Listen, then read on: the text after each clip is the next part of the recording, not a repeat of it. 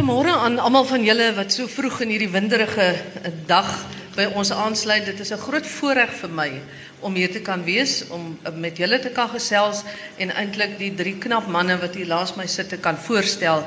Ehm um, die slim manne. Nou ek wil eintlik nou eer, eers voor ek julle voorstel, Jannie vir jou vra, hoe verklaar jy hierdie oornagwind? Is dit of, of wie se wie se vakgebied is dit? dit kom reg van bo af. Ek dink die ek dink die persoon wat vir ons dit kan verklaar is miskien die dominee op die paneel. Hy is nader daar. Nee, baie welkom is my eer om met ons gaste gesels. Hoe verklaar jy dit is 'n program op RSG wat al vir ongeveer 37 jaar op lig is, 'n baie gewilde program. En die doel van die program is om wetenskap vir ons gewone mense uh, gewild te maak en maklik te maak en verstaanbaar te maak. En uh, die program is baie gewild onder luisteraars. Ek kom agter as ons dit effens skuif dan dan kla almal en sê waar's die program. En toe die boek nou verskyn het, hoe verklaar jy dit? Uh dis 'n baie gespesialiseerde vakgebied nog altyd, die tipe van goed wat dan uh, hanteer word. Toe word die boek ehm uh, binne 'n week een van die topverkopers in Suid-Afrika eintlik die topverkoper vir 3 weke gewees. Dit is nou die groot verkoper, topverkoper bo alle fiksie en nie fiksie en internasionale boeke in Suid-Afrika. So ons is um, En de, op die oomblik is daar 25000 eksemplare uit in die boekwinkels waarvan omtrent 17000 verkoop is wat in terme van boekverkope vir alle spesialistboek 'n baie baie groot uh, riem onder die hart is want vir my byvoorbeeld is dit 'n uh, riem onder die hart omdat dit vir my wys dat ons mense nog belangstel in pitkos, nog belangstel in die wetenskap in dinge wat 'n bietjie dieper is as net die oppervlakkige ehm um, tipe boeke en en programme of inhoud wat 'n mens oor radio of televisie kry. So ek is baie trots daarop en die mense wat dit moontlik maak is die paneel van kundiges wat week na week by hoe verklaar jy dit deelneem. Dis werklik mense wat ehm um, baie hoogs gekwalifiseer is, baie stewige kundiges op hulle vakterreine is en wat hulle kundigheid en tyd afstaan aan RSG se luisteraars. Uh, my voorreg om twee van hulle vandag hier op die paneel te hê. Hulle moes dit uitbeklein, die twee het gewen. So um, ek het vir Jannie Hofmeyer hier aan my linkerkant. Hy's ook 'n fluitspeler in sy vrye tyd. En ek Jannie, jy het in die verlede professioneel ook opgetree as fluitspeler. Ja, ek het 'n hele paar lewens ongelukkig. Dis, dis nou dwarsfluit, né? Dis dwarsfluit, ja. ja. Hele nou, paar lewens en ongelukkig die wetenskap neem so 'n bietjie oor. So dit is as ek aftree eendag weer. Ja. Nou Janie Hofmeyer is 'n professor van biokompleksiteit en biochemie hier aan die Universiteit van Stellenbosch en hy is sedert 1975 aan die biochemie departement verbonde. Oor die afgelope 25 jaar doen hy as teoretikus sy navorsing in die veld van rekenaarmatige sisteembiologie met die regulering en regulatoriese ontwerp van metabolisme as jou hooffokus. Hoe verklaar jy dit sal jy net vir ons moet doen? Ek het net die woord metabolisme want ek het 'n probleem daarmee. Ek al wat ek daar ken is daardie woord. Jy is ook die outeur Jannie van uh, ongeveer 70 navorsingspublikasies en boekhoofstukke en jy's ook 'n genoot en raadslid van die Royal Society of South Africa en lid van die Academy of Science van Suid-Afrika en ook verskeie toekenninge ontvang. Daar's nog 'n hele ander klompie goed, maar net om vir julle in die prentjie te sit van Janie Hofmeyer se kundigheid. Aan my regterkant is en professor Hendrik Geyser, Geyer en hy is 'n professor in teoretiese fisika aan die Universiteit van Stellenbosch en direkteur van die Stellenbosch Instituut vir Gevorderde Navorsing waarvan jy ook die stigter is as ek dit nie verkeerd het nie Hendrik. Nee, dit is nie heeltemal korrek nie. Een van die ek was betrokke by die stigtingsproses. Ja. Dan noem 'n mens jouself sommer ook 'n stigter. Hendrik Geier is die outeur van meer as 90 navorsingsartikels en gepubliseerde konferensiebydraes. Hy is ook 'n verkose genoot van die Royal Society of South Africa en lid van beide die Academy of Science van Suid-Afrika en die American Physical Society. En ehm um, hy is ook al net soos Jannie 'n hele klomp jaar betrokke daarbey. En dan aan die regterkant het ons vir Danny Fourie. Hy is in die uitgewersbedryf, hy is in die journalistiek. Hy's 'n voormalige hoof van godsdiens by die SAIK en hy is ook 'n dominee. En toe ek vir Melk Meiburg van die uitgewers vra hoekom het ons 'n dominee op die paneel? Toe sê hy ehm um, ons daai die persoon wat al hierdie praatjies van die radio sal moet transkribeer en taalkundig versorg sal baie boontoe moet praat. So Dit is blykbaar hoekom jy ook op die paneel is. Danny het die uh, boek saamgestel, die die praatjies gaan kies want daar's 'n hele klomp. So ek dink ons begin sommer by jou Danny as die samesteller van die boek. Hoe verklaar jy dit? Vertel vir ons nadat jy nou genader is om die taak te doen. Uh hoe het jou kop gewerk? Hoe het jy dit benader? Waar het jy begin? Uh dankie, Magdalene. Ja, jy weet as mens so luister na die kort biografie wat jy nou gegee het, jy weet voel ek myself so 'n bietjie uh buitekant hierdie kring vanoggend, maar uh ek ek kom daar met 'n ander hoek na na die boeke en na die program toe. Miskien moet ek net eers dit sê, uh uh ons het van die begin af uh saam met die uitgewer Penguin besluit dat die radioprogram en die boek is twee verskillende dinge. Uh en dit is eintlik hierdie formaat van hierdie program leen hom baie lekker tot 'n uh, 'n boek want daar's 'n vraag en daar's 'n antwoord. En al wat uh, dan verwag word is dat 'n mens hierdie antwoord so helder en duidelik as moontlik in geskrewe taal moet omsit. Want onthou uh die kundiges hulle praat oor die vraag en hulle val mekaar nogal dikwels in die rede ook ensovoorts, maar daai tipe van ding haal mens uit of skryf jy uit En ons het ook besluit dat ons nie die vraagsteller sal identifiseer nie. Uh so dikwels is dit nou nogal 'n uh, bietjie van 'n kreatiwiteit want iemand stuur 'n vraag in en sê jy weet ek het hierdie ervaring gehad of ek wil graag hiervan weet en toe het ek dit gedoen en uh daarna dat gebeur en al die tipe van goed en nou moet 'n mens dit 'n bietjie soort van uitskryf en dit 'n meer algemene universele vraag maak. Maar jou vraag net om terug te kom hoe het ons die ding aangepak. Ja, behalwe dat dit 'n uh, ongelooflike klomp werk is. Uh is dit 'n punt waar jy moet begin. Uh ek was gelukkig dat baie van die programme is deesdae op potgooi. Uh en voor dit was is daar natuurlik nie potgooi nie. Maar by die potgooi is daar ook 'n inhoudsopgawe van wat in daardie program uitgesaai word daai dag. En dan het ek gewoon daarna gaan kyk eers na die inhoud daarvan en gesê ja, hierdie is 'n is 'n moontlike vraag, daai is 'n moontlike vraag nie, hier gaan ons niks doen nie ensovoorts. Nou moet ek net sê, hoe kies ek nou daai vraag? Uh 'n mens het maar 'n voorkeur vir sekere onderwerpe. Uh ek is bly dat die twee uh professore vandag hier is want ek hou nogal van hulle uh veld. Maar uh 'n mens moet die heeltyd in gedagte hou, dis nou 'n boek. En dit is vir 'n breër publiek as dink ek as die as die radio gehoor. Die radio gehoor luister ook hierna, maar ek dink daar's 'n klomp ander mense wat dit ook wat dit ook lees. Ek het nou die dag met iemand gepraat gesê, "Man, ek is verskriklik bly oor die boek. Dis wonderlik, maar jy weet ek het 4 van hulle vir Kersfees present gekry." uh so uh, daar is mense wat uh dink ek buite kan die radioprogram tog ook hierna luister. Uh en dan wat 'n mens nou gedoen het is ek het ehm um, ons wou vir al die deelnemers of kundiges 'n uh, 'n uh, 'n uh, vraag gee ten minste of dit afwissel tussen hulle. So dit moet afgewissel word tussen die deelnemers en dan het ek gekyk na uh verskillende kategorieë want nie almal hou van dieselfde ding nie. So uh 'n mens moet die mens moet die spektrum van die vrae oor die hele spektrum wil ons graag in die, in die boek hê. En ek het so 'n paar uh kategorieë vir my gemaak en dat ek probeer om daai kategorieë vol te maak.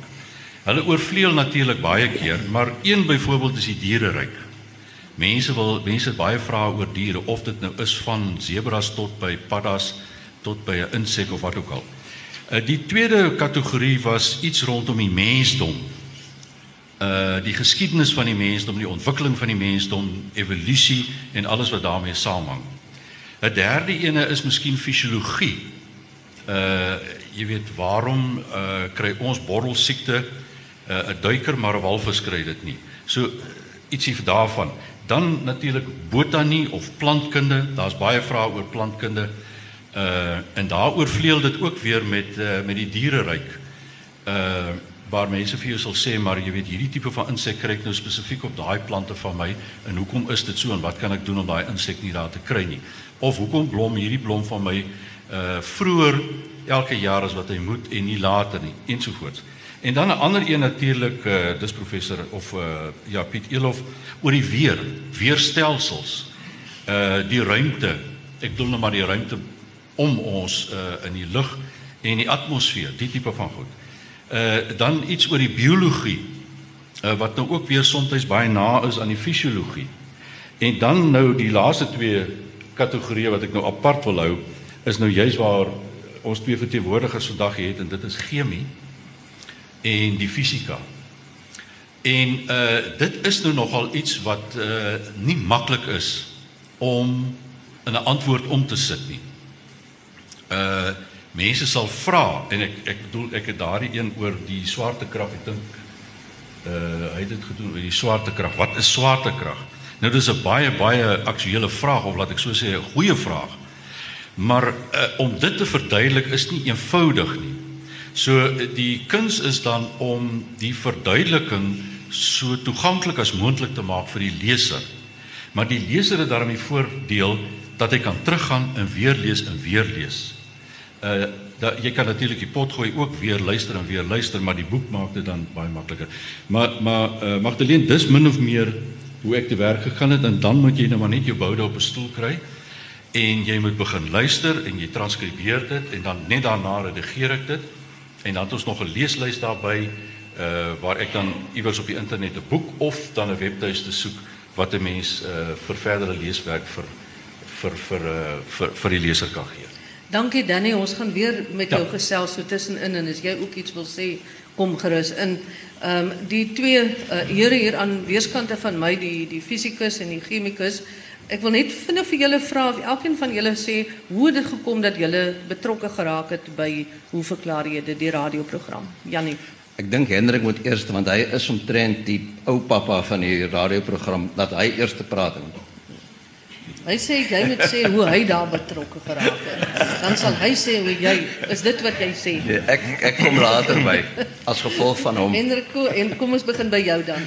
Ja ja, goed. Ehm uh, sal ek nou maar op die gewone hoe verklaar jy dit manier begin en sê môre Magdalene, môre kollega Jannie en môre aan al die luisteraars. Ehm um, terwyl jy ons gewaarsku het oor hierdie goed het, het ek nou my huiswerk gaan doen en uh die kort antwoord is ek is nou omtrent 18 jaar by die program betrokke. Die eerste opname het ek saam met Yuri van der Heever gemaak wat ek saamgesleep het. Ek sal nou daarby kom en ons het saam met Isak Ruste opname gemaak uh, waar ek dink ek nogal redelik breedvoerig en redelik afgerammel ge gepraat het oor die ekskuus een van die tipiese soort vrae wat ons kry oor oor die ontwikkeling van die heelal.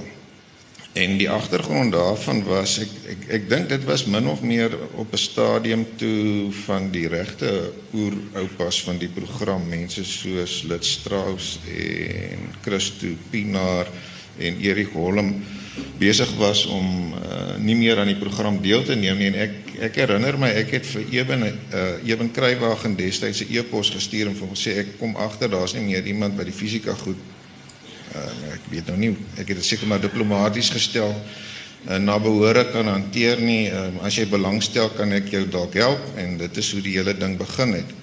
Uh, en ek het op daai stadium het ek al vir Yuri goed geken en ek het besef dat hy 'n terrein dek wat uh, goed aansluiting sal vind by besprekings op die program. So dit is hoe ons sedert 19 Desember 1990 99 deel was van die program en mettertyd het dit duidelik geword dat ons nie al die kennis in pag het nie uh en uh ons het toe vir Jannie bygekry. So nou kan hy maar vertel. Ja.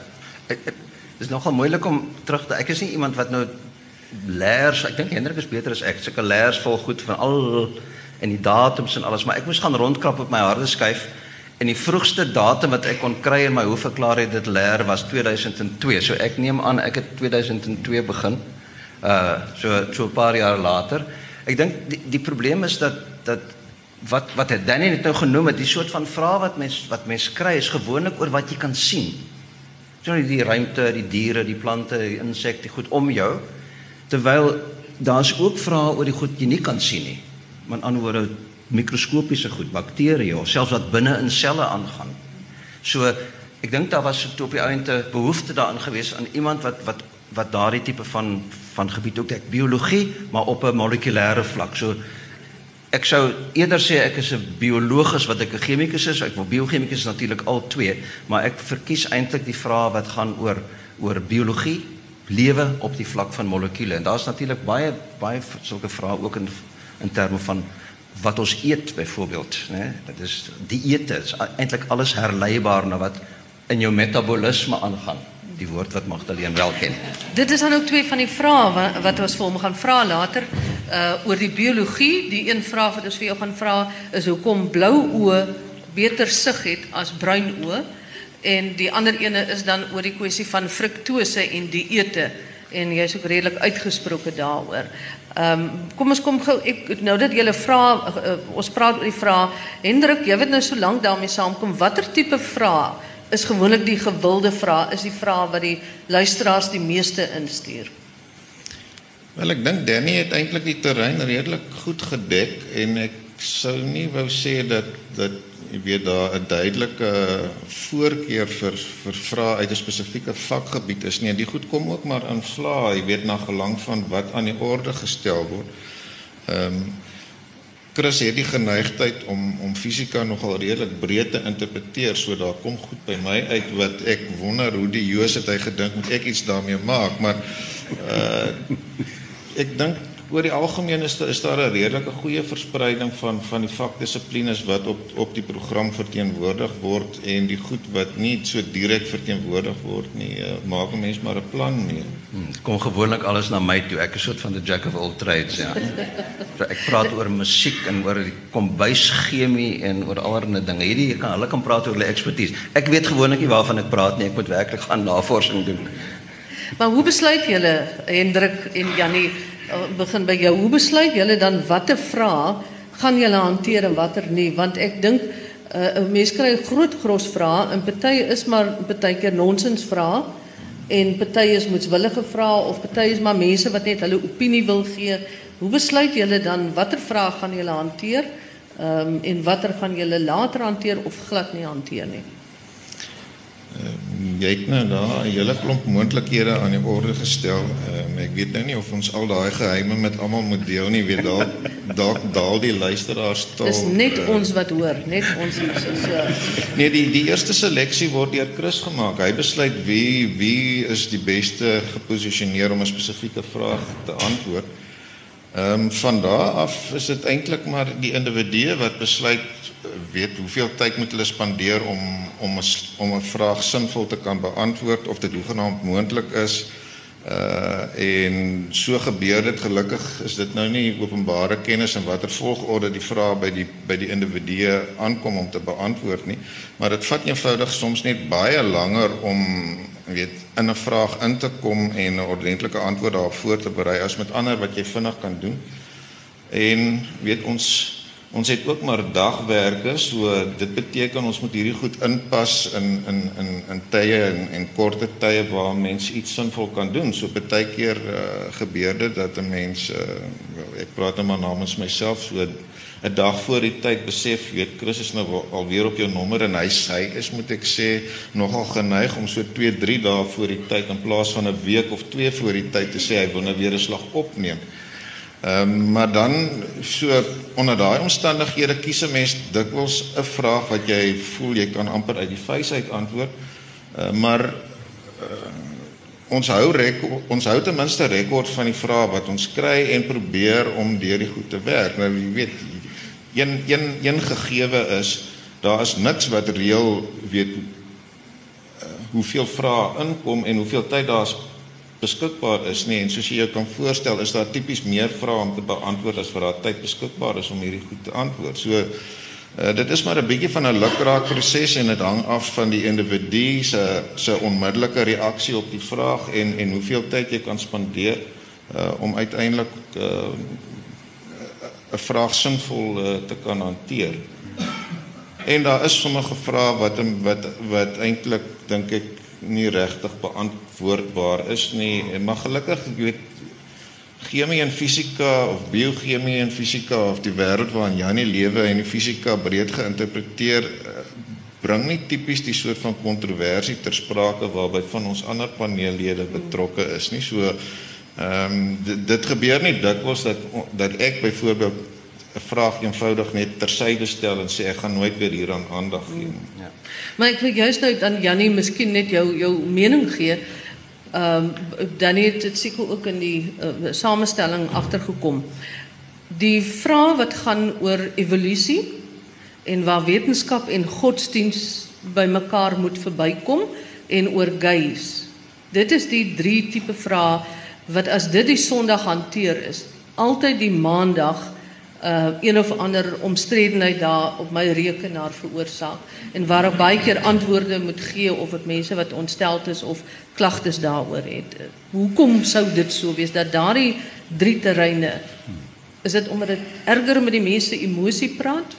Ek dink dit, dis waar geloof en en feitelike materiaal bymekaar kom en die twee strook nie altyd met mekaar in mense se kop nie en dit is waar die probleem kom. Ek meen as ons praat oor wat in 'n sel aangaan of of wat in die heelal aangaan in terme van fisika dan is dan nie eintlik sprake daarvan dat dit met geloofsoortuigings iets te doen het nie. So waar hierdie ander vrae het en natuurlik mense is is baie erg oor wat hulle glo en en en hoe hulle hulle lewe hanteer. So as hierdie goed nie strook daarmee nie dan raak mense baie opgewonde. Is nie net in die in in in die in die geval van van van evolusie en gays en so aan. Daar's ander dinge ook. Ek meen ek het hierso 'n tannie uit 'n uh, Bloemfontein gehad wat vir my gevra het oor glikonutriënte. Dis nou koolhidrate wat blykbaar jy moet eet omdat dit is nou soos vitamiene, jy moet dit inkry anders dan gaan jy siek word. Dis totaal en al 'n nonsens. En uh, dit is deur iemand in Amerika soos gewoonlik nou weer uh, op 'n webblad sy gesit en verkoop nou die goed. Maar die antie was verskriklik kwaad vir my gewees dat ek nou durf sê het dat dit want want sy glo nou vas as lees as mens lees die soort van goed wat wat later dan net interessantheidshalwe wat sy sou sê uh ek net het ek nou die presiese plek maar dit as dit dit gaan op daar's 'n daar's 'n 'n priester uit Mosambiek wat wat glo in hierdie goeters en in in hy het getuienis gegee dat dit werk. So dis alles anekdotiese getuienis, maar vir haar was dit verskriklik belangrik dat dat dat ek durf praat oor hierdie goed en durf negeer dat dat dat die goed eintlik 'n effek het. So ja. mens kry nie net in in die evolusie nie, maar ook in terme van byvoorbeeld gesondheids uh idees wat mense daar's mense wat glo dat hulle elke oggend hulle eie urine moet drink en dit hou ja hulle en daar's Madonna doen dit. Nee net Madonna doen iets anderste maar daar is daar is belangrike mense wat glo dat dit jou immuunstelsel byvoorbeeld uh laat uh, ontwikkel. So ek meen totale alle nonsens en jou liggaam raak ontslaaf van die goed. Daar's geen rede hoekom jy dit weer moet inneem nie, man.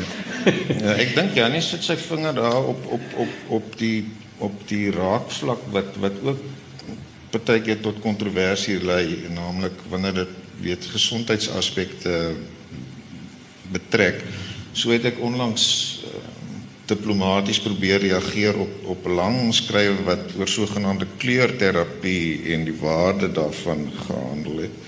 Ehm um, en vroeër in die program was daar dikwels of meermale weet hierdie tipiese vrae van van van die wonderlike uh, kwaliteite van van piramidestrukture wat kan sê as jy 'n lemmetjie daarso insit sou die lemmetjie skerper word en ek weet nie wat alles nie. So uh, om net weer nog 'n opmerking te maak oor watter vrae mense hanteer. Daar is sommige van hierdie soort vrae wat by herhaling kom en daar is eenvoudig net nie tyd om elke keer te sê ons gaan nou nie weer 'n slag hieraan aandag gee nie. Maar die maar die die die raakvlakke tussen die die vakdissiplines en waar hulle uh gewoonlik deur verkullers in die in die in die in in die wêreld van gesondheid ingespan word is is 'n ander bron van wat mense se eie opinies baie sterk op die tafel plaas. Die tipe vrae wat jy altyd kry wat ek ook nou baie keer sien uh, dit is nogal vir my soos ek aan die begin in 'n inleiding ook gesê het verblydend dat daar so baie mense is wat belangstel in die wetenskap, in die fisika, in die biologie en en al die tipe van dinge. En dit is en dis nie mense wie se vakgebied dit is nie. Dis mense wat net vir 'n stokperdjie belangstel daar. Maar ek dink dit gaan dieper as dit Magdalene. Ons lewe ons lewe in 'n baie vreemde wêreld op die oomblik waar waar op die internet almal uh, blootgestel word aan aan enigiets. So ons, ons praat nou deesdae van alternatiewe feite en van post die waarheid, né, post truth. En ek dink skielik is daar by mense nou weer 'n 'n hinkering na na 'n bron van betroubare kennis en dis wat die wetenskap vir ons gee. Nie waarheid nie, maar betroubare kennis. En so ewe skielik moet jy jy word blootgestel aan so baie goed en jy probeer uitsif wat kan mens vertrou en wat kan jy nie vertrou nie in 'n program soos hierdie poog om ten minste op vrae wat mense het 'n betroubare antwoord te gee. Mag ja, Magdalene, ek wil net daar aansluit, jy weet dat ek dink uh want iemand het my gevra nou hoekom so 'n boek, jy weet jy kan tog al hierdie goed op die internet gaan soek en die antwoord daarop kry en so maar Janie noem daar baie belangrike ding die betroubaarheid van die bron. Uh want mense is nie altyd so seker oor daai webtuistes of daai tannie wat nou die pille gekoop het hoe korrek hulle is in hulle analises of in hulle feite wat hulle weergee nie. En daarom en natuurlik het mense die die die internet of Google het miskien die antwoord vir jou, maar hulle het nie die vraag nie. En hier het jy die vrae almal in een in een bundel en en dit word deur 'n gesaghebende bron gegee. Dit is dis dis vir my wonderlik. Dit is nou so 26 oor 9. Ons het nog 'n rukkie tot 10 uur en ek gaan ook 'n kans gee vir een of twee mense uit die gehoor as julle wil vra vra sodat julle kan toets of hierdie mense werklik die antwoorde ken en of hulle dit moet Google. Maar ehm um, ek dink die interessante gaan ook wees om uh, aan die hand van 'n paar stories of 'n paar vrae antwoorde te gee uh, oor dinge wat die gewone mens, die gemeene uh, deursnee mens gaan raak. Maar ek wil net eers weer na jou toe kom, uh, Danny, die dominee is watter van die vrae toe jy nou so deurgewerk het, was vir jou van die interessantstes geweest? Het vir jou meer opgeval as die ander? Wel hier hier is 'n klomp interessante vrae vir my gewees. Soos ek sê, jy weet ek hou van die fisika dele uh, uh uiteraard en ek hou van die mensdom en die geskiedenis van die mensdom en vra daaroor. Uh maar daar was nogal vir my een baie interessante vraag uh, wat Jannie geantwoord het en dit het gegaan oor hoe werk 'n mens se smaaksensasie. Uh en uh gelukkig tel ek dit toe op dat uh, dit in twee gedoen word dat daar ek dink 'n program of twee daarna uh dit opgevolg word met hoe verskil katte en honde se smaaksensasie van die van mense. En dit was baie baie interessant vir my geweest. Uh die smaaksensasies wat 'n mens het, is mos nou maar die vier uh sout en soet en bitter en suur en dan umami. En dan nou die umami wat daarbey kom wat nou erken word as 'n vyfde smaak. Uh en en die manier wat ons altyd gesê het, jy weet op sekere dele van jou tong dan proe jy die suur en op ander dele proe jy die soet en so en dis nonsens. Ja. So uh, mense hele tong is 'n is 'n smaakorgaan. En dan wat vir my baie interessant was, jy weet dat katte en honde uh die smaakorgaantjies wat ons op ons tonge het is baie ek dink om by 9000 terwyl by katte en by honde is dit veel minder en by katte is nog minder. En katte kan byvoorbeeld nie soet proe nie. Uh en dis meer en 'n hond kan nie onderskei tussen beesvleis en skaapvleis en varkvleis en hoendervleis nie. En toets die vraag ook dan maar wat maak jy nou met al hierdie uh uh dierekosse wat jy wat jy koop, jy weet en wat jy tog sê ag ons moet dan nou 'n slag vir die hond net iets anders koop. Ons koop vir hoender. Jy weet want hy eet nou al so lank net van die skaapvleis. Maar hy het toe besluit hy gaan hy gaan niks daaroor sê nie, maar dit was vir my 'n baie baie interessante Wat is dit? interessante vraag geweest. Wat wys jy net weer wat bemarking doen hè? Ja. Wat dit dit bemarking, jy sê daar's verskillende smake. Ja, ja. Maar wat is die umami waarvan jy praat, die vyfde smaak? Sintuig of dis, smaak. Dis inter, interessant, dis 'n spesifieke reseptor vir glutamiensuur. So dit is 'n een van die van die aminosure en die dis daai dis mens kry dit uit vleis uit as veral as jy vleis so so so so 'n so bruin karamel gee as jy hom so lekker lekker op 'n baie warm plaas sit. Dan die geur wat daar uitkom word herken as 'n umami smaak. Ehm um, dis 'n baie komplekse gewaarwording. Dit is, is baie lank geneem. Dis 'n Japanees wat wat oorspronklik met die idee gekom het dat dat daar 'n uh, ander smaak is en ons het intussen natuurlik dis lekker as mens dan 'n 'n biochemiese verklaring daarvoor kan gee sê daar's 'n spesifieke verbinding wat hierdie sensasie vir mense gee, wat hierdie smaaksensasie gee. So dis eintlik dan braaivleis, dit 'n umami smaak. dit is nie so Ons het dit lankal agtergekom dat dit 'n Ja. goeie ding is in uit 'n anderste smaak. Ja. Ja. Maar wat Danny nie genoem het nie, varke, is, as ons dink ons smaak ons kan goeie, baie smake herken. Varke is nog baie beter. Hulle het ek kan nie onthou presies wat die getal is nie, maar baie baie meer smaak smaakknoppies op hulle tong as wat Ja, ons het. knoppies, ja. Maar maar maar ordes groter meer. Ja. Ja, so 'n vark kom ons hoor by nie verwys nie na jou nie. Kom ons Hendrik. Kom ons gaan na 'n paar uh, vrae toe. Ehm um, ek wil vir jou ek het vir jou vooraf gesê ek gaan vir jou vra hoekom draai as jy die die badprop uittrek, hoekom draai die water altyd kloksgewys wanneer dit by die ehm um, uitlaat uitloop? Nou ek gaan nou nie eers direk op jou vraag antwoord nie. Jy het vroeër gevra hoekom waai die wind vandag so? Dit kan jy ook dit kan jy ook sê. Die die kort antwoord is daar sit op die oomblik 'n hoëdrukstelsel net suid hier van van die Kaap en ek kom nou nou terug daarby en hoekom dit relevant is. Tweedens het ek gehoor jy het hierdie vraag gebruik om hierdie groep mense of sommige van hulle ten minste hier te kry. Nou ek uh, is bevrees jy het hulle mislei want die stelling is eenvoudig nie waar nie. Ehm um, of Jy het skoon- nou dit agtergekom, maar hulle het of nie. skoon dit so is dat as jy gaan Google kry jy talle verwysings wat wat hierdie standpunt ondersteun. En die die die die fisika term wat gewoonlik hiermee saamgebruik word is die van die sogenaamde Corioliskrag.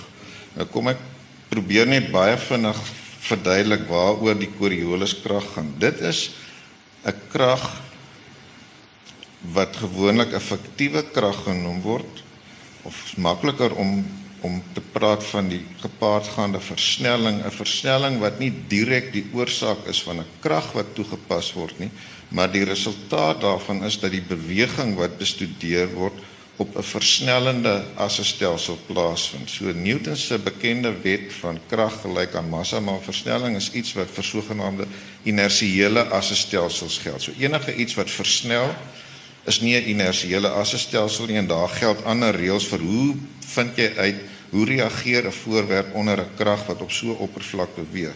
En rotasie is 'n voorbeeld van versnelling. Dus is die aarde se oppervlak nie 'n inersiële assestelsel nie en 'n mens moet meer aandag gee aan hoe jy sulke berekeninge doen. So stel jou voor jy skiet 'n voorwerp, jy's in die suidelike halfrond, jy skiet sê maar met 'n geweer reg noord. Waar jy op die aardbol is wat besig is om teen 'n vaste frekwensie een keer in 24 uur te roteer, uh, het die aardoppervlak 'n sekere radius en jy is besig om teen 'n sekere snelheid te beweeg op daardie sirkel. Verder noord is die aarde wyer en beweeg vinniger. So die effek daarvan gaan wees dat teen die tyd wat die koel aankom waar hy uiteindelik die grond tref, het daardie gedeelte al verder weg beweeg as die direk noord waarvoor jy gemik het. En dus interpreteer 'n mens dit tipies in die suidelike halfrond as 'n afwyking na links in die rigting van waarin jy ook al iets aan die beweeg gesit het. So dit is om net te verstaan dat daar so 'n effek is. Nou die Corioliskrag het seker sekerlike invloed op weerpatrone siklonale en antisiklonale weerstelsels wat met hoog en laagdrukstelsels gepaard gaan is tipiese voorbeelde daarvan en hierdie hoogdrukstelsel wat nou hier suid van die land sit bring mee dat lug in 'n antikloksgewyse om daardie hoogdrukstelsel vloei en as jy nou dink hoog suid van die land antikloksgewys dan sien jy dit moet 'n suidooste wind wees wat waai. Nou, die grootte van hierdie krag is egter minuskiel want dit het te maak met eerstens die spoed van die ding wat beweeg en tweedens die tempo waarteen die rotasie plaasvind. Nou 'n rotasie van 1 omwenteling in 'n dag is as 'n mens hierdie goed in syfers omsit, moet jy nou nie in grade dink nie, jy moet in sogenaamde radiale dink. Dit is 2 maal pi, dis net die omtrek van 'n sirkel. So om- omtrent 'n syfer 6 gedeel deur die aantal sekondes in 'n dag 8 86400. So dis omtrent 10 tot die mag min 5. So dit is 'n 'n klein numeriese waarde wat wat wat wat hierdie krag regtig het. As jy natuurlik nou met musiele werk wat teen teen 'n groot spoed afgevuur word, het dit 'n groter effek. Nou by die by die prop uit die water uit die uit die bad of uit enige houer uittrek. As jy gaan Google sal jy self sien daar is vernekers wat op die op die ewenaar boer en toeriste wys maak dat hulle deur 'n bak 'n bak water net suid en net noord van die ewenaar te bekyk en die water te laat uitloop, kan hulle vir jou wys dat dit in die twee gevalle in teenoorgestelde rigtings loop. Wat jy egter moet besef en en hulle demonstreer dit nog deur blaartjies daarin te gooi dat jy mooi kan sien hoe die ding roteer. Nou waar die killery inkom is as jy mooi kyk wat hulle doen, word daai rotasie aan die gang gesit deur die water wat in die bak gegooi word en op 'n sekere manier dan begin roteer. So diegene wat nou al probeer het om met 'n eksperimentele opset die effekte bestudeer het, perfek gevormde sferiese skottels gebruik waarin water gesit is wat vir meer as 'n week toegelaat is om te stabiliseer sodat daar geen beweging in die water is wat die aanvanklike uitloop kan beïnvloed nie. En onder daai omstandighede is dit inderdaad so dat water in die suidelike halfrond weet die die vloei na die water is dieselfde as die vloei van die wind na 'n laagdrukstelsel toe. So in die suidelike halfrond sal dit siklonaal of kloksgewys wees. So inderdaad in die suidelike halfrond as jy alle ander effekte uitgeskakel het, sal die water kloksgewys uit jou bad uitloop maar die posisie van die prop relatief tot die bad, die bad se vorm, die feit dat die water in elk geval aan die skit is wanneer jy daar uitklim ensovoorts oorheers hierdie Coriolis krag verrewer. So jy kan vergeet daarvan dat hierdie 'n sistematiese ding is.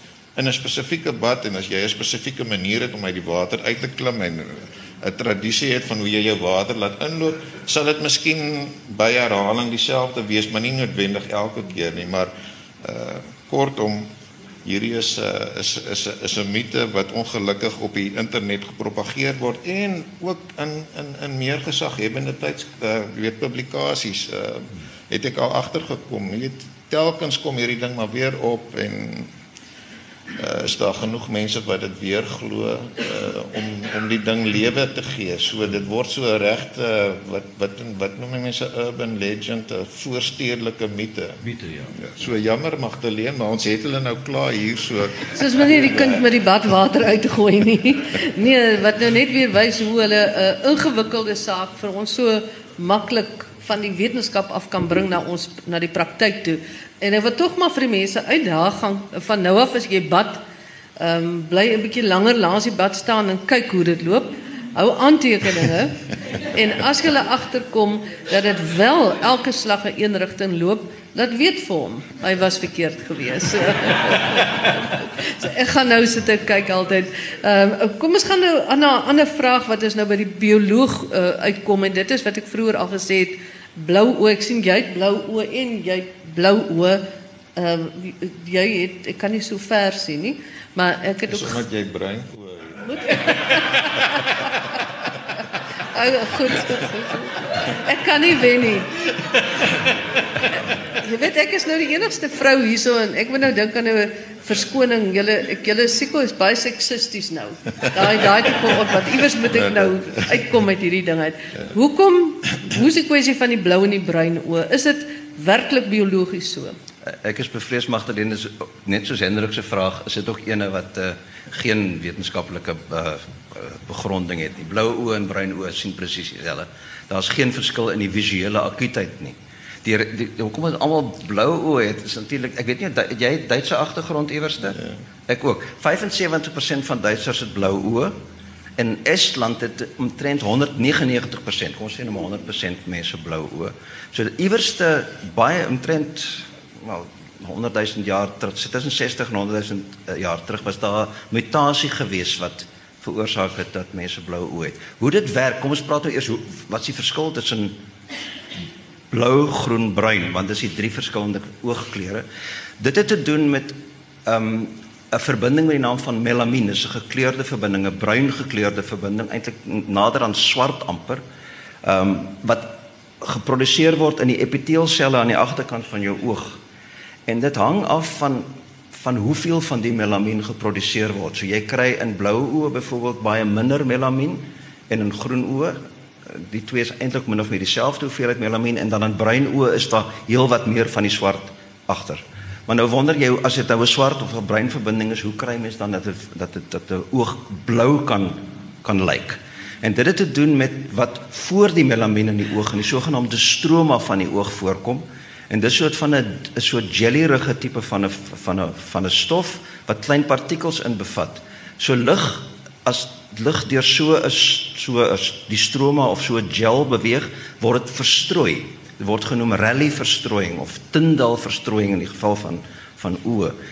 En afhangende van die golflengte van die lig word dit minder of meer verstrooi. So blou lig word meer verstrooi as rooi lig en mens sien dit dan as 'n blou gekleurde ding. As mens byvoorbeeld meel vat en jy maak 'n suspensie van meel in water en jy skyn lig daarop, dan lyk dit so ligblou.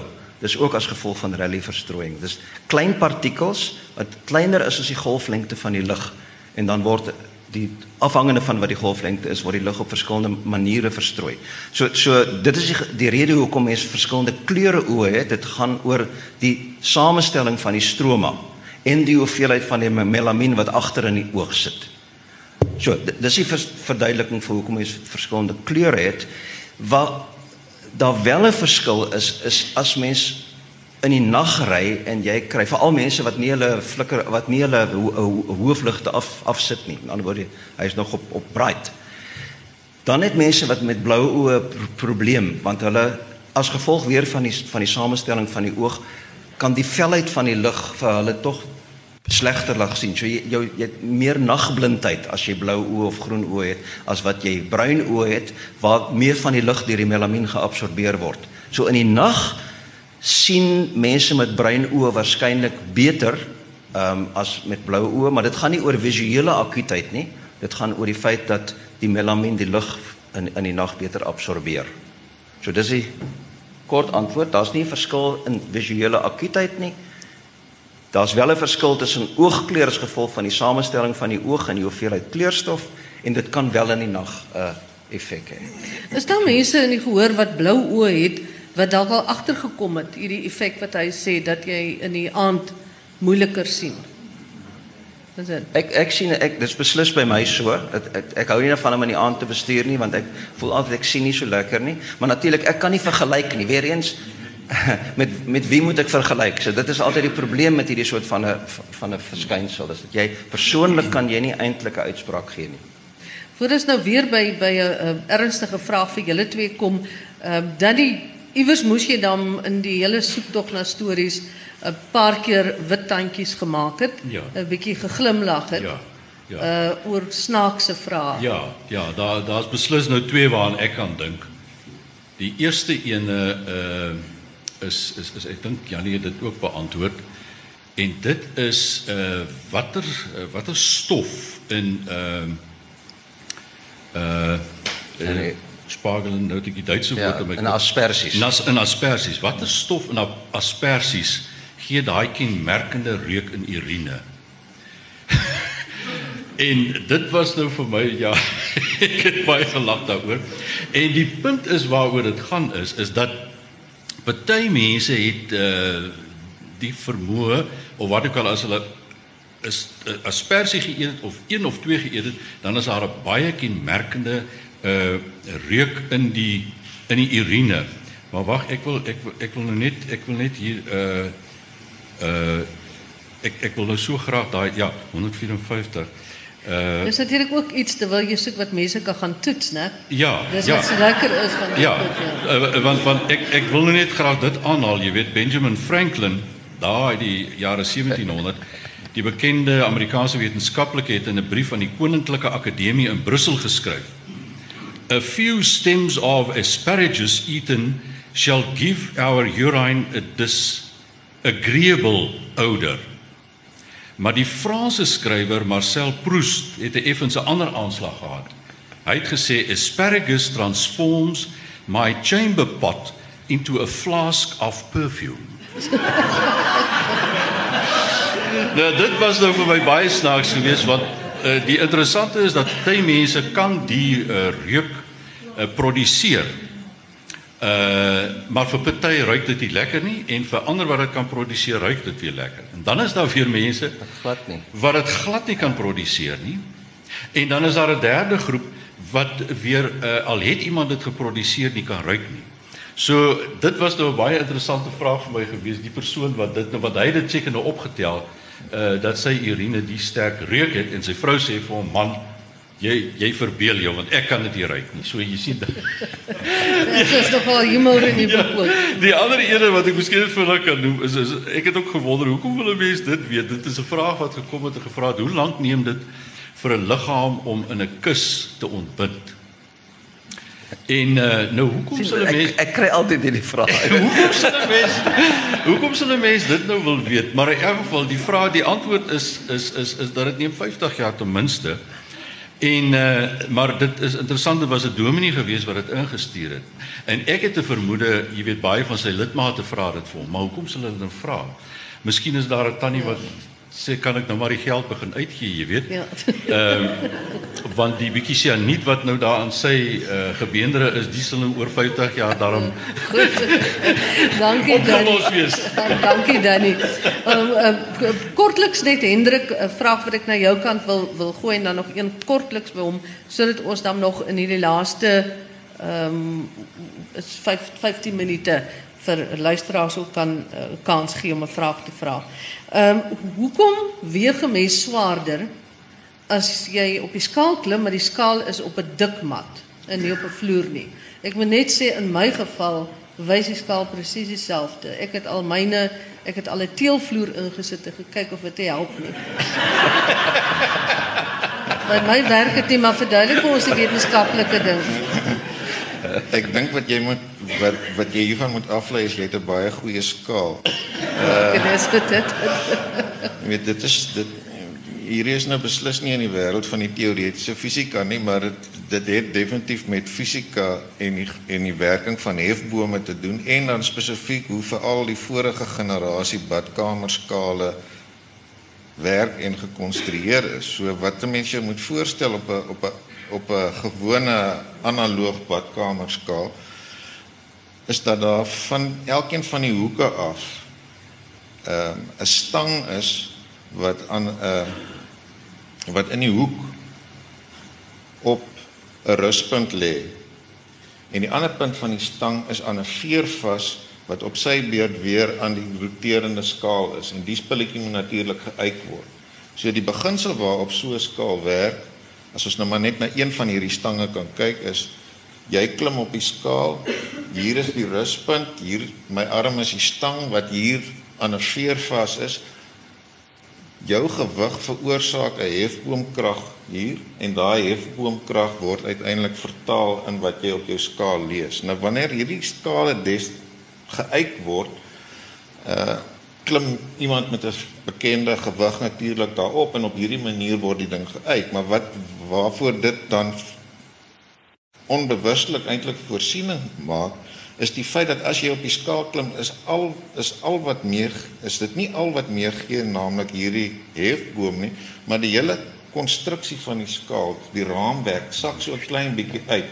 Wat's die effek daarvan? As die as die pens van die skaal uitsak dan gaan hierdie steenpunt effentjies na binnekant toe. Dit beteken die armpie is korter en dit is die posisie waarin die skaal geuit word as jy nou op 'n mat jou skaal gaan sit dan word daai pens gestit en effektief het jy dan 'n langer hefboomkrag vir dieselfde gewig. So dan registreer jy eenvoudig 'n paar kilogram meer tot en met 10% het ek agtergekom is van die syfers wat genoem word.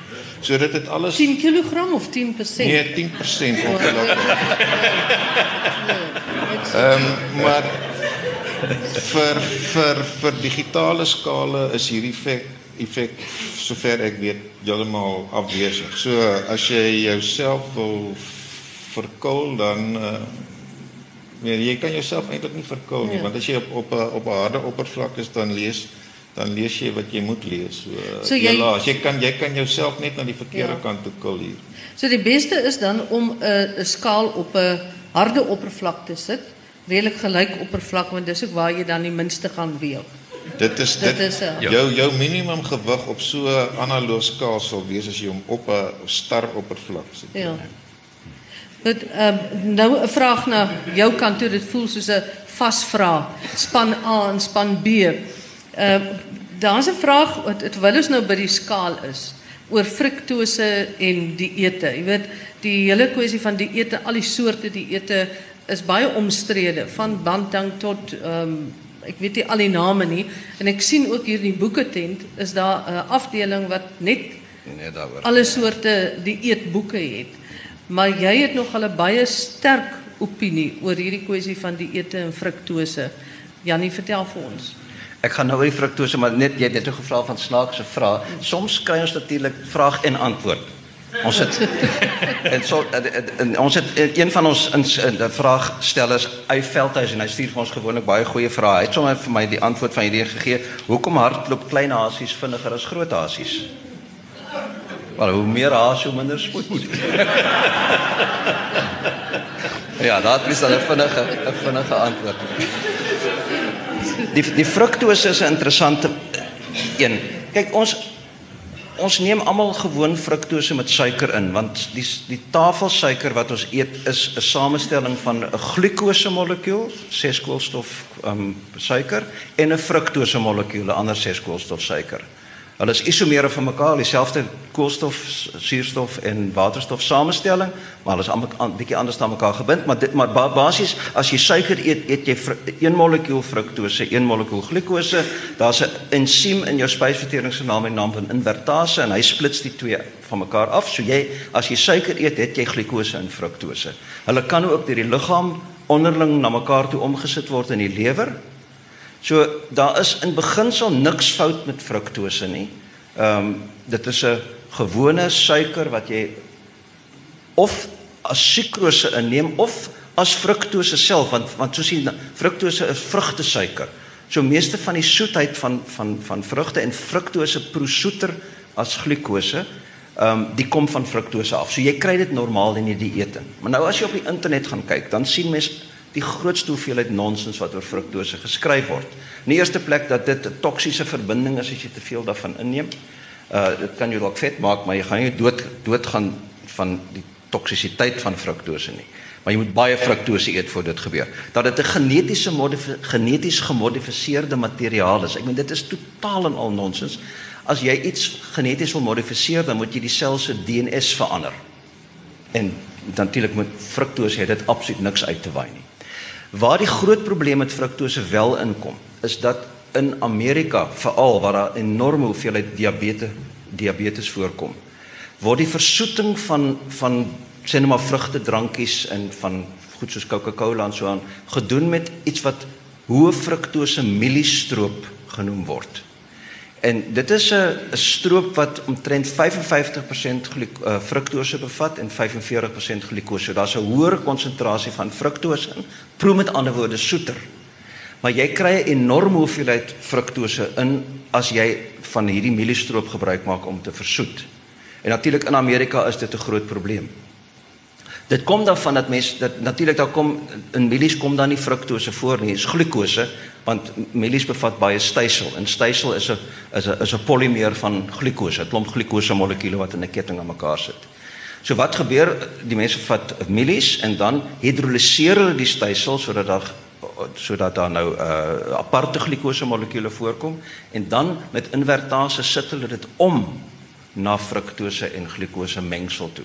En in daardie omsettingsproses word daar dan meer fruktose as glikose gemaak op die ouend. So dit is 'n kom, kommersieel geproduseerde ding. En so die probleem is as jy nou 'n hoë konsentrasie fruktose inneem, dan is daar 'n pad in die lewer, 'n metabooliese pad. Kyk, metabolisme is maar net die omskakeling van voedingsstowwe van een na die ander tot jy by die boustof die boustene uitkom vir proteïene soos aminosure of vir nukleinsure, nukleotiede of vetsure vir lipiede. So dit is 'n so netwerk van prosesse wat voedingsstowwe omskakel na goed wat die wat die wat die sel of die liggaam kan gebruik. Nou in die lewer wat gebeur is as daar veel glikose is, dan word dit gekanaliseer na 'n verbinding na van gliserol. En gliserol is 'n is een van die boustene van vette. So vette bestaan uit gliserol, dis drie koolstowwe en aan elkeen van hulle sit dan 'n uh, vetsuur vas. En so op so 'n manier as jy te veel fruktose inneem, kan dit gekanaliseer word na die pad wat vette ehm um, produseer. En dit kan natuurlik nou 'n probleem vir jou gee as jy op 'n dieet is of so.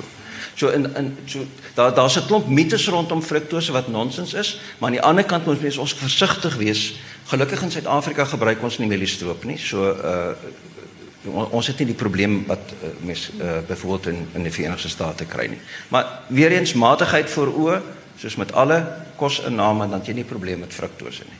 Ja nee, net 'n vinnige opvolg as jy vir ons so kort antwoord kan gee. Jy het nou gesê van die die metabolisme wat die proses is wat nou uh, afbrekings of verterings doen vir die van die verskillende stowwe. Nou hoor 'n mens baie keer mense sê ek het 'n stadige metabolisme um, en of ek het 'n vinnige metabolisme. Wat dan maak as jy stadige meta metabolisme het, dan is jy dalk vetter en 'n vinnige metabolisme um, ja. maarder. Ja. Hoekom is dit so?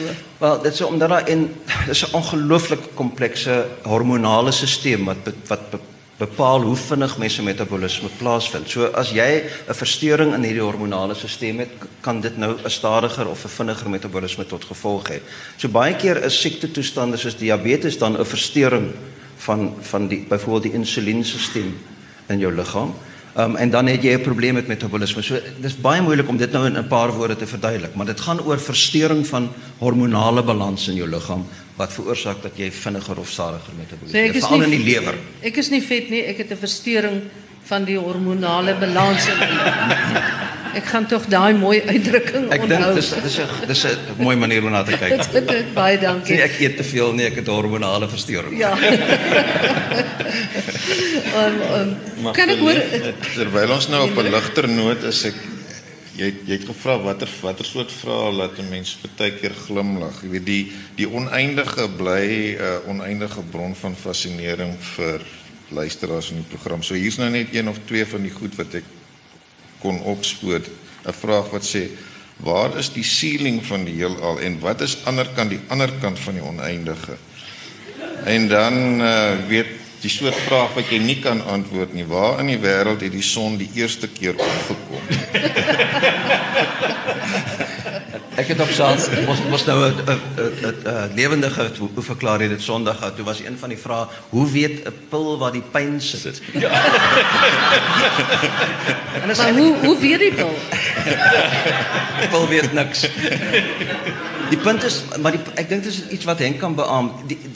Daar's nie iets soos 'n stupid vraag nie.